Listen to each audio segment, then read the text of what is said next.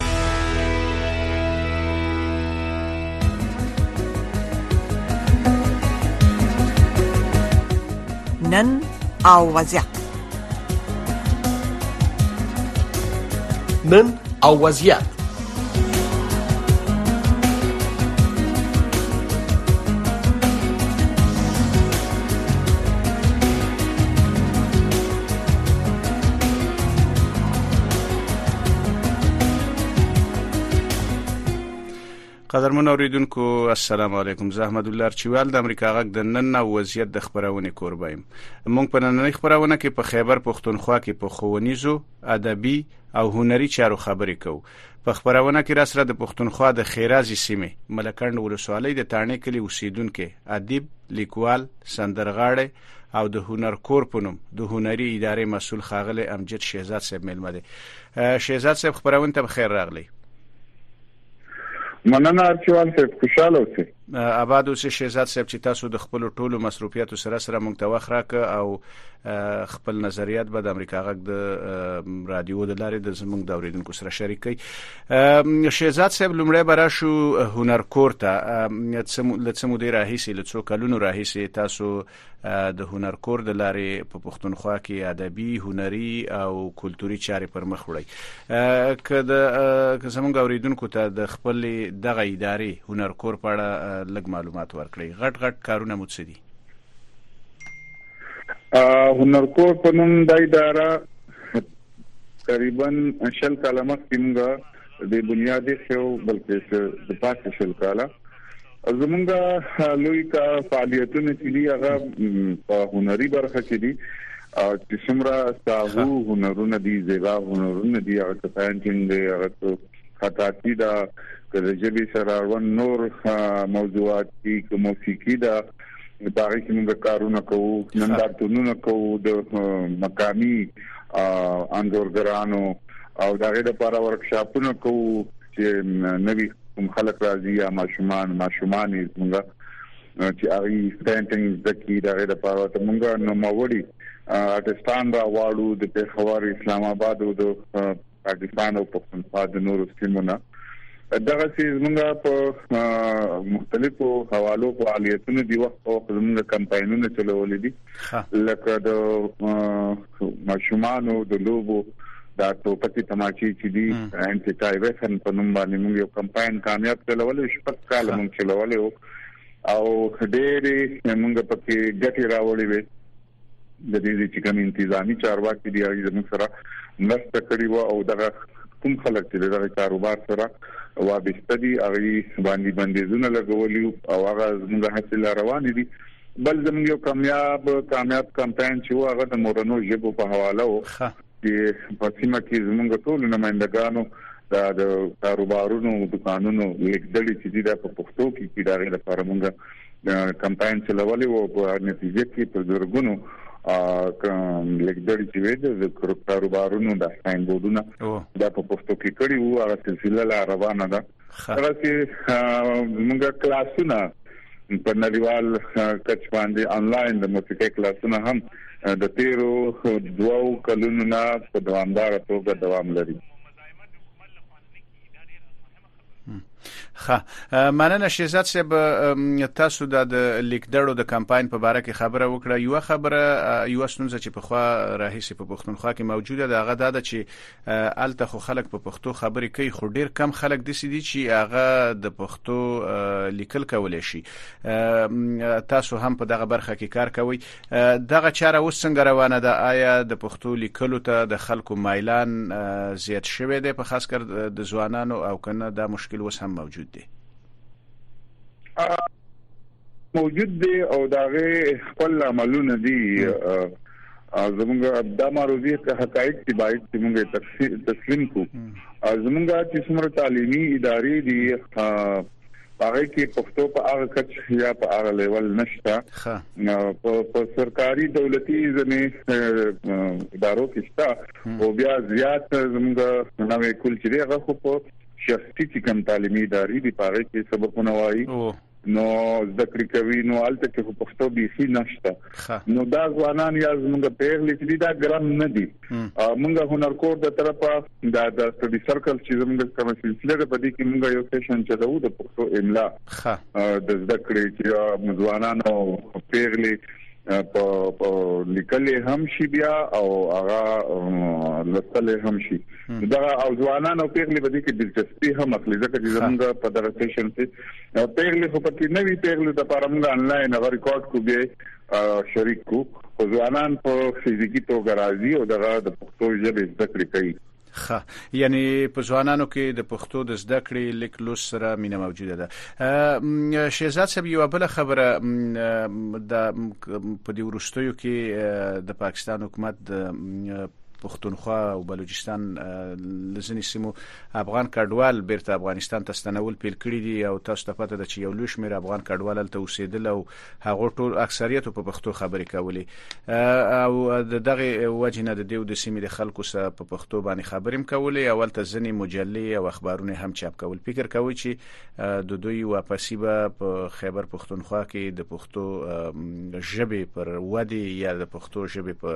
چلن باندې څه غیزه وکړي بالکل دا یوازې د ژبې په حواله نه د دې په تک باندې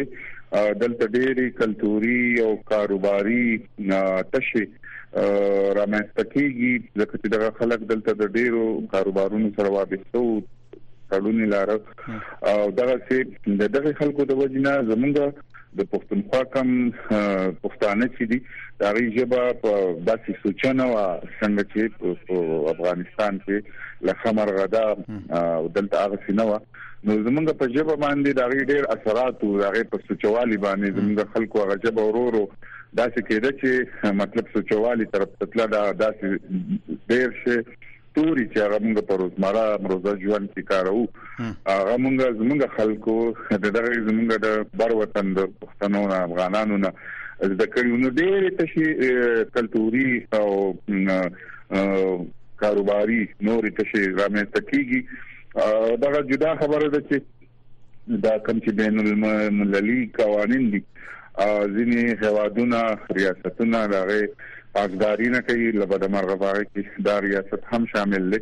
چې دلته د سلويختو 500 کالو نه مشت خلک چې دلته یې ګونونه شوي دي دلته ټول ژوند تیر کړی دلته پیدا شوي لوي شوي دي هغه داسې په جبري توګه چې د دې نه به دخل کوي او باسي خه شهزاد صاحب یو بل پښتنه چې ډیرو خلکو ته پیدا کیږي هغه دا ده چې په دې ورستیو کې تقریبا شپږ و میاشتې مخکې ما ولیدل چې د پښتونخوا ځینې سیمو ته د پښتونخوا حکومت فکر کوم چې پښتونخوا حکومت مکتوبونه لګلیو چې په خونځویو کې د پښتو باندې لیک لوست او د پښتو تدریس دی پیل شي دغه چاره تر اوسه تر کومه بریده رسیدلې او د خیبر پښتونخوا حکومت او د پاکستان فدرالي حکومت د پښتو د ودې او پرمختګ د لپاره چې کم کارونه کوي د موثر دي او کوم موثر نه دي په پښتونخوا کې چې کله د نېشنل ګوند په واک کې وو او د پښتو ژبې لپاره بیا په نصاب کې ډېر بدلونونه کړیو ډېر زیات د ستاینې وړ کارونه کړیو ژبه یې لازمي کړې وه پښتو په تورې به ته د مضمون په توګه لازمي کړې وه د دولسم ټولګي پورې د پنځم پورې پنځم ټولګي پورې د وړاندې نه غو نصاب دې ټول په پښتو کې وو بیا دې هغه ته کتابونه هم جوړ کړل هغه عملی هم شو هغه باندې کار هم شروع شو لبد مرغ بیا چې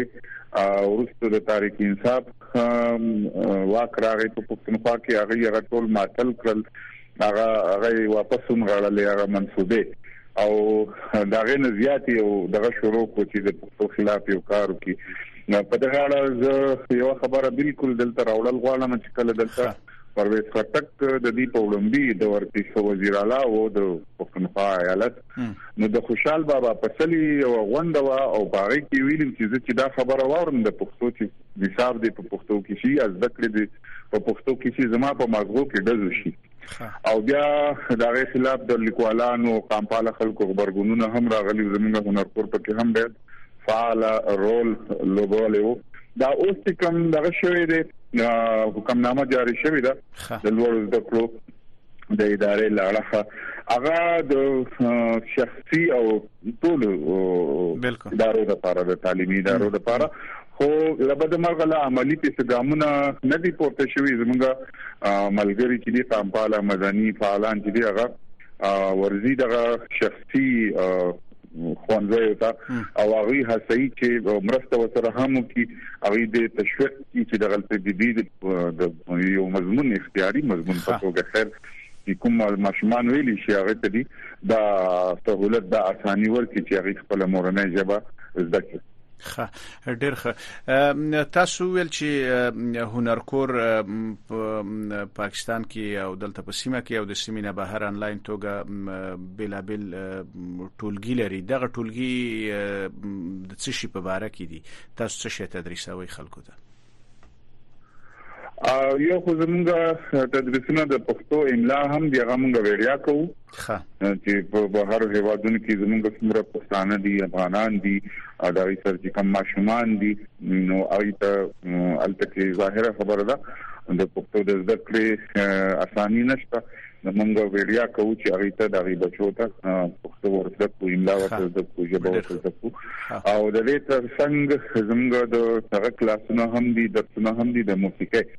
چې په هغه کې مختلف سازونه دي زموږ سره رباب دی هارمونیا ده پیانو دا ګیټار دی دا چې نور سازونه دي چې نړۍ په بیلابیلو هیوادونو کې اروپا کې امریکا کې استرالیا کې او نور هیوادونو کې نو زمونږ زده کوونکي دي هم ښځینه دي هم نارینه دي چې هغه دغه زده کړې کوي انلاین ښه نو ستاسو سره ماته ویل شي چې څومره شاګردان د سره اوس مهال په زده کړو بوخت دي بوخت دي زمون سره په یو وخت کې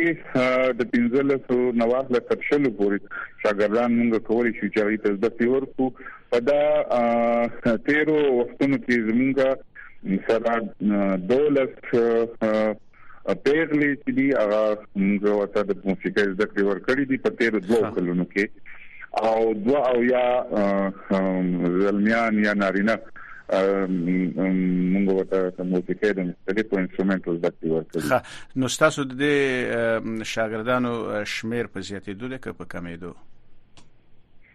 دا بیخي په زیاتېدو دی چې څومره څومره خلک خبريږي او خلکو ته خبر رسي نو بالکل زموږ پر ډېر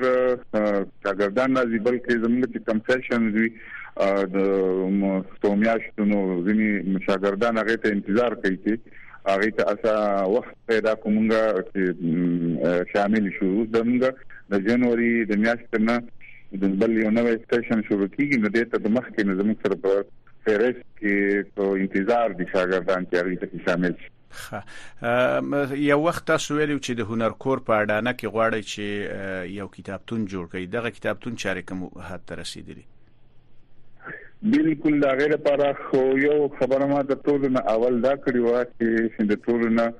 اول به په دې کې زه مالي مرسته کوم خپله زما مالي مرسته چمتو ده او بیا زما دا هم یو ژمنه کړې وه د ټولو پښتنو سره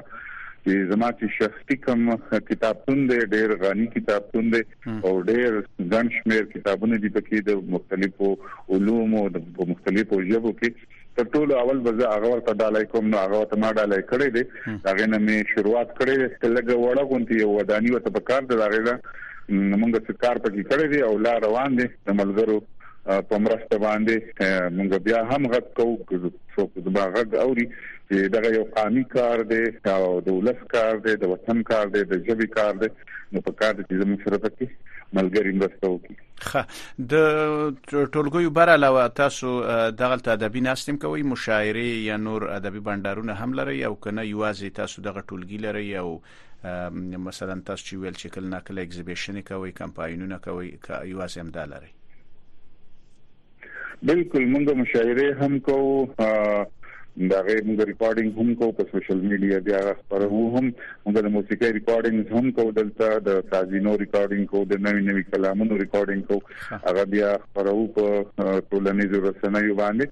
او په مختلفو موضوعاتو باندې سیاسي، ادبي یا نور علمي موضوعاتو باندې دلته موږ ناستې کوو، سیمینارونه هم کوو، مشاعرې هم کوو. د څومره چې هلي ځلي وی په دغه ادبیاتو کې یا په زیبا هنرونو کې په ټولو کې موږ خپل فعالیتونه لرو خه تاسو د موسیقۍ خبره وکړه په یو څو کلونه مخکې په پښتونخوا کې هلته هنرمندانو ته او د پښتنو د پښتو موسیقۍ پر وړاندې ډېر ستونزې جوړې شوې وي امنیتي حالت خراب شوی اوس دغه حالت څنګه دی تاسو د کوم امنیتي مشکل څخه خو باندې وای مخ یا تاسو کارونو پر وړاندې خو به کوم امنیتي خندونه نه وي موجود نه اوس د خمرغه دلته ډېر ښه حالات دي خلال سنشته بلکې زموږ د بر وطن نه کوم خلک متاثر شوی دی اغیزمن شوی دی هنرمندان او دلته کې پښتونخوا پیښور سیمه تراغلي دي موږ د غي سره هم مرستې کوو د غي لپاره دلته د روزګار د پروګرامونو د ریکارډینګونو زمينه برابرو د غي سره مالی مرستې هم کوو هنرمن زموږ هنرکور کې لاله درسونو نه چې کوم زموږ مالی مرستې د زده کوونکو راځي نو دا غي یو برخه موږ د بر وطن هنرمندانو سره د دوه کاله د غي سره ډېری مرستې هم کړې او لا د غزمګه مرستې روان دي دلته د خیر سره د پښتونخوا ځینی لري پرتې سیمې دي په خوانه قبایلی سیمې کې دي نو په هغه کې لږې ډېرې ستونزې شته خو کمی چې سټل ایریاز دي لکه ملکان شو ثوابه چارسده مردان په خبره ده چې نور الک الته دا چې ډېر لوی ستونزې ته نرمدان ته نشته خه د پښتو موسیقۍ ته برا شو یو وخت د سوي چې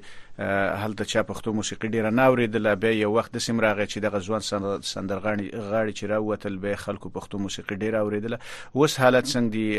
د ځوانانو په منځ کې د پښتو د موسیقۍ سره مینه او علاقه څومره ده اوس حالات ډیر زیات بدل دي یو خو اوریدونکو ډیر زیات شوی دي بل نوی نوی پیغلی او سندرغاړي زلمی د هنر ترازی چې باغ کې په عملی توګه برخه واخلي او بل چې کوم نوی زلمی او پیغلی راځي دی یو دا هڅه هم کوي چې یو نوښت پکې پیدا کړي په پښتو موسیقۍ کې نوي نوي پنځونې وکړي نوي نوي تخلیقات راوړي نوي نوي تجربې پکې وکړي فیوژنز پکې وکړي نو څنګه چې په نورو مترقي قامونو په ژبو کې په موسیقۍ کې نوښتونه روان دي دغه دلته هم روان دي بل د په مختلفو حوالو یا د سوشل میډیا د لارې دغه خلک کولی شي چې په ډیره خطو ګدا د روزګار وسیله وګرځي موسیقي او هغه څه کوي هم ځکه ډېر خلک دې ته راځي او دغه څه په پښتو موسیقي کې ډېر ښه کار روان تاسو د خواله رسنیو یا د سوشل میډیا نه د ګټه اخیستلو یا د استعمالولو خبره وکړه ستاسو اداره د سوشل میډیا بر علاوه کومه خبرونه یا مجله هم لري او کنه تاسو یوازې خپل کارونه د سوشل میډیا د لارې خلکو ته ورسوي مونږ مجله خو نه لرو لبد مرغه دغه د ګټي وټي وسیله خو دلته ډیره کې دي نشي چې دلته هغه لوستونکي کم وي نو موږ کتابونه البته په مختلفو ادبي او کلتوري او هنري موضوعاتو هنرپور یو شمېر کتابونه چاپ چاپ کړي دي او دغه سلسله لا روانه ده اوس زما په 2023 کې دا خیال دی چې زه د موسیقۍ لپاره یو منظم کاریکولم جوړ کړم کوم چې په داسې مکه نشته په نورو ژبو کې هم نشته په پښتو کې هم نشته نو دغه په دوه ژبو کې وی په پښتو کې او په انګلیسي کې ښه دغه کورس په وی په دا د پنځو یا شپږو کتابونو پوره نصاب به وی کریکولم به وی هغه به د خیر سره د 2023م اخر اخر تبا دا تیار شي څه په کې ما ډیر کار کړی هم دی او هغه به چاپ شي د خیر سره خا تاسو د کتابونو د چاپ خبره وکړه تاسو تر اوسه پورې څومره کتابونه چاپ کړي دي او که مشخصا هغه موضوعات راته وي چې په کومو موضوعاتو دغه کتابونه چاپ کړي دي موږ په د پښتو نثر کتابونه چاپ کړي دو بیا لږ کتابونه موږ چاپ کړي دي چې په هغه کې زیات د شاعرۍ کتابونه دي او د شاعرۍ کتابونه ځکه دي چې د شاعرۍ کتابونه نسبتا د نثر مارکیټ لري خلک یې اخلي نو موږ چې کمی پیسې په هغه باندې انویسټ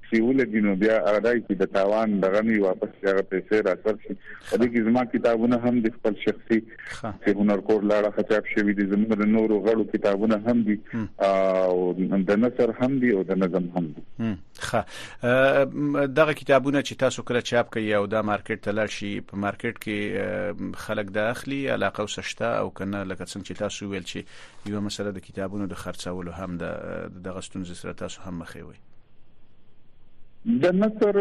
لوستونکي نسبتا کم دي یا د علمي کتابونو اوس خو یو دغه جوړ شوی دا نوې نوې ادارې نورې هم رااله زمونږ ملګری دی مفکوره اداره لري حیات روغانه یا دستان بوک یو اداره د پښتو ډېر علمي موضوعات باندې فلسفیانه موضوعات باندې کتابونه چاپي خو بیا هم د هغې نور فعالیتونه لږ کم دي نو په دې باندې هغه توجه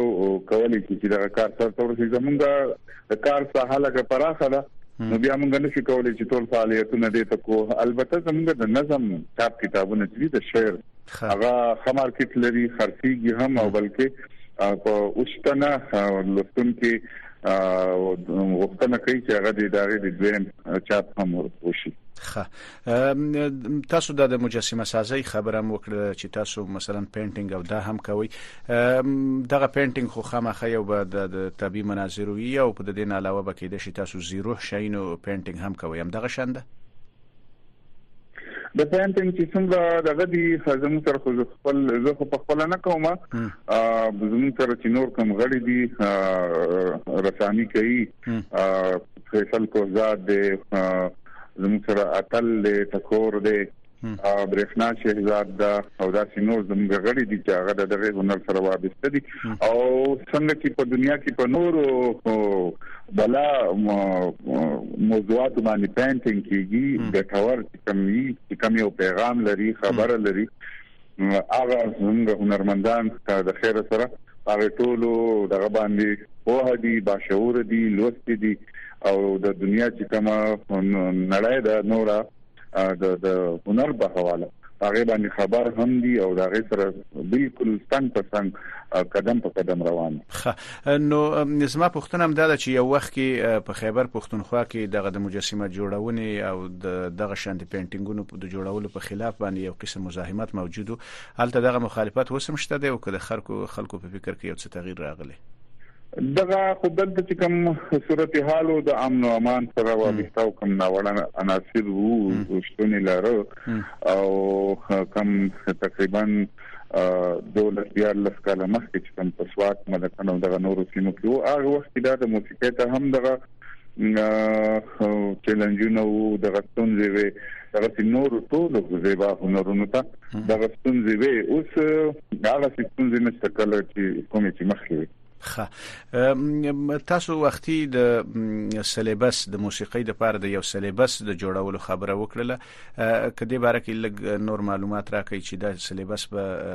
څنګه سلیبس به یي او د دې موخه به څه شي دا د یو خاص لیول زده کړو د خلکو د پاره دی او کنه عمومي د هر چا د پاره چې غواړي موسیقي یاد کړي دا غو د پاره دی دا بالکل ابتدایي چې کوم زده کوونکي دا غینه واخله او د لوړو زده کړو په دې په دې کې کتابونه وي پنځه یا شپږ کتابونه ورومبه کتاب د موسیقي تاریخ یا په دې حواله نور چې کوم علمي یا څېړنیز موضوعات چې په غیبه باندې به وي بیا پکې یو کتاب چې د رباب حواله دی دا غي باندې مقالې دي پکې او دا غي د زده کړې کم چې ټیکنیکل یو اړخ دی دا غي شیزاد صاحب دی شیزاد صاحب تاسو تاسو ته بیرته راګرځم خو یو پوښتنه مې کوله چې امکان لري چې تاسو په خپل غږ کې یو څو منټه روسته یو زمزمه زمنګ اوریدونکو ته وکي او چې دا تاسو مرکه او د خبرونه په سلا خوندور شي هغه ترازو کې امکان لري کې امکان لري نو خبرو ته دوام ورکو زه دلته خو کې زما سره د موسیقي کوم اله په لال نشته ښه زه بخنه غواړم چې تاسو ما ته مخکې ویلې وي نو ما به بالکل تنظیم کړی نو بیا به قرض کوم زمزمه به مې هم کړی و د خیر سره دا تاسو پور شو په ما زما تاسو زمونږ د اوریدونکو هم په ما باندې پور شو چې را روانه کومه دغه وی او زه پکې راغلم وخت ملاو شو راته خلاص شو زه به کې به خي زمزمه هم کوم او شعر به پکې هم وایم بالکل سلیبس ته راشه خبره مې کوله نو دغه کې د رباب د هارمونیم د ګیتار د پیانو د زده کړې کتابونه هم دي په دې کې د موسیقۍ چې کومه ژبه دا نوټیشن ورته موږ وایو دا غي کې د پښتو فارسی د سندرو نوټیشن دي په مطلب دا غي د موسیقۍ په ژبه کې چې کوم لیکل وی د سندرو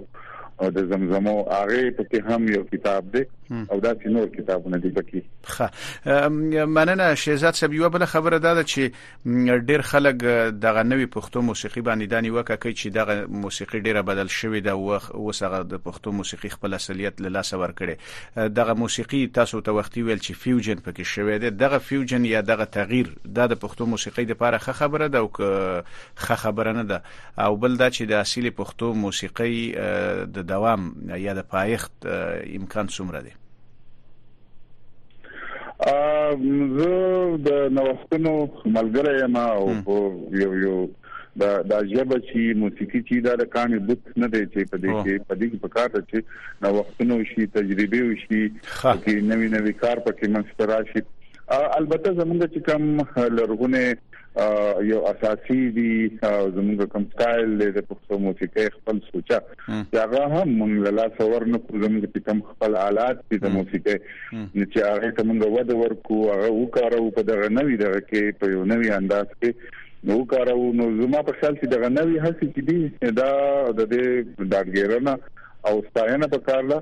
او په په په بالکل سمه طریقه چې کوم زموږ ارسو دا پنځونې یا دا فیوژن نشي کولای کوم چې خلک د دې زده کړې کړې وي هغه باندې پوهیږي کوم هنرمندان کوم موسیقاران کوم غزون کې د هنر د سازونو نو هغه کولای شي چې په دې کې یو ګټوره تجربه ګټوري تجربه پکې خه که ډیر لند راته وي شهزاد سه په خوا د کوزو او برو پښتنو هنرمندانو ترمنځ ډېر اړیکې ویتل راتلو افکار تبادله کېدل ستاسو اوس هم د برو سندرغاړو سره او هنرمندانو سره اړیکې شته دي هم دغه شان مسایلو باندې بحث کوي او که څنګه بلکل پخوا خو دا و چې موږ به هم تلو هغوی به هم راتلو اوس له بده مرغه نه هغوی هلته کې تللی شي بر وطن ته نه موږ تللی شو زیات سندرغاړي هنرمندان چې دي په نږدې هوادونو کې دي او اکثر په دلته په پاکستان یا پښتونخوا کې دي ځینې په نورو اروپאי هوادونو ته هم تللی دي چې زموږ د ټولو سره رابطې وي او دغه مسایل موږ ډیسکس کوو او دغه د حل لارې چارې هم راوباسو ښه شهزاد صاحب زمونږ د خبرونې وخت هم دومره زه په صرف یو ورستۍ پوښتنه لرم او هغه دا ده چې تاسو ویل چې هنرکور تقریبا شل کال کېږي چې فعال ده تاسو پر روانو 15 کلونو کې هنرکور چرته ګورئ پر روانو پنځو کلونو کې موږ دا پلان لرو چې یو خدلته موږ د هنر کور لپاره د د موسیقۍ د ثبتولو یو ډیره جدیده سټوډیو لرو دا د لپاره زموږ پلان دی چې کوم هنرمندان چې نشي کولای چې په ویډیوګانو کې خپل په طریقه خپل غوونه ثبت کړي ځکه چې په هغه باندې یو شمېر لګښت راځي او زمونږ په ټوله پښتونخوا کې خور ور ډېر زیات ټیلنټ ډېر زیات په خلکو کې دغه استعداد شته د هنر سره یو فطري نو زموږ یو خو دغه موخه ده چې د ډیر اعلی په یو استودیو جوړ کړو چې باید چې موږ اډیو هم ریکارډ کوو غږ هم ریکارډ کوو او دا غي لپاره اصبندي پکې هم دا غي بندوبست موږ یو دغه اساني موږ ورکو کم چې خلک وخت نه لري مالی وخت نه لري چې هغه ټول هنرمندان چې څومره دي چې هغه راشي دلته زده کړې هم وکړي او دلته خپل غږونه هم ریکارډ کړي یو زموږ د کتابتون دا دغه د کتابتون پوره شي او د دې سره سره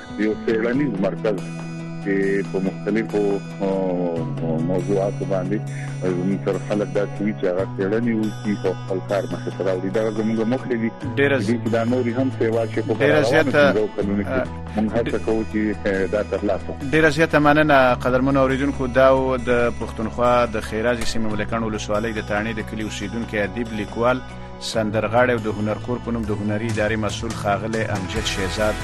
چې خپل نظریات یې زموږ سره شریک کړل شهزاد صاحب ستاسو نه مننه کوو د اوریدونکو نه مننه کوو د بیا خبرو او د بحث په هیله په مخه مخه مننه خوشاله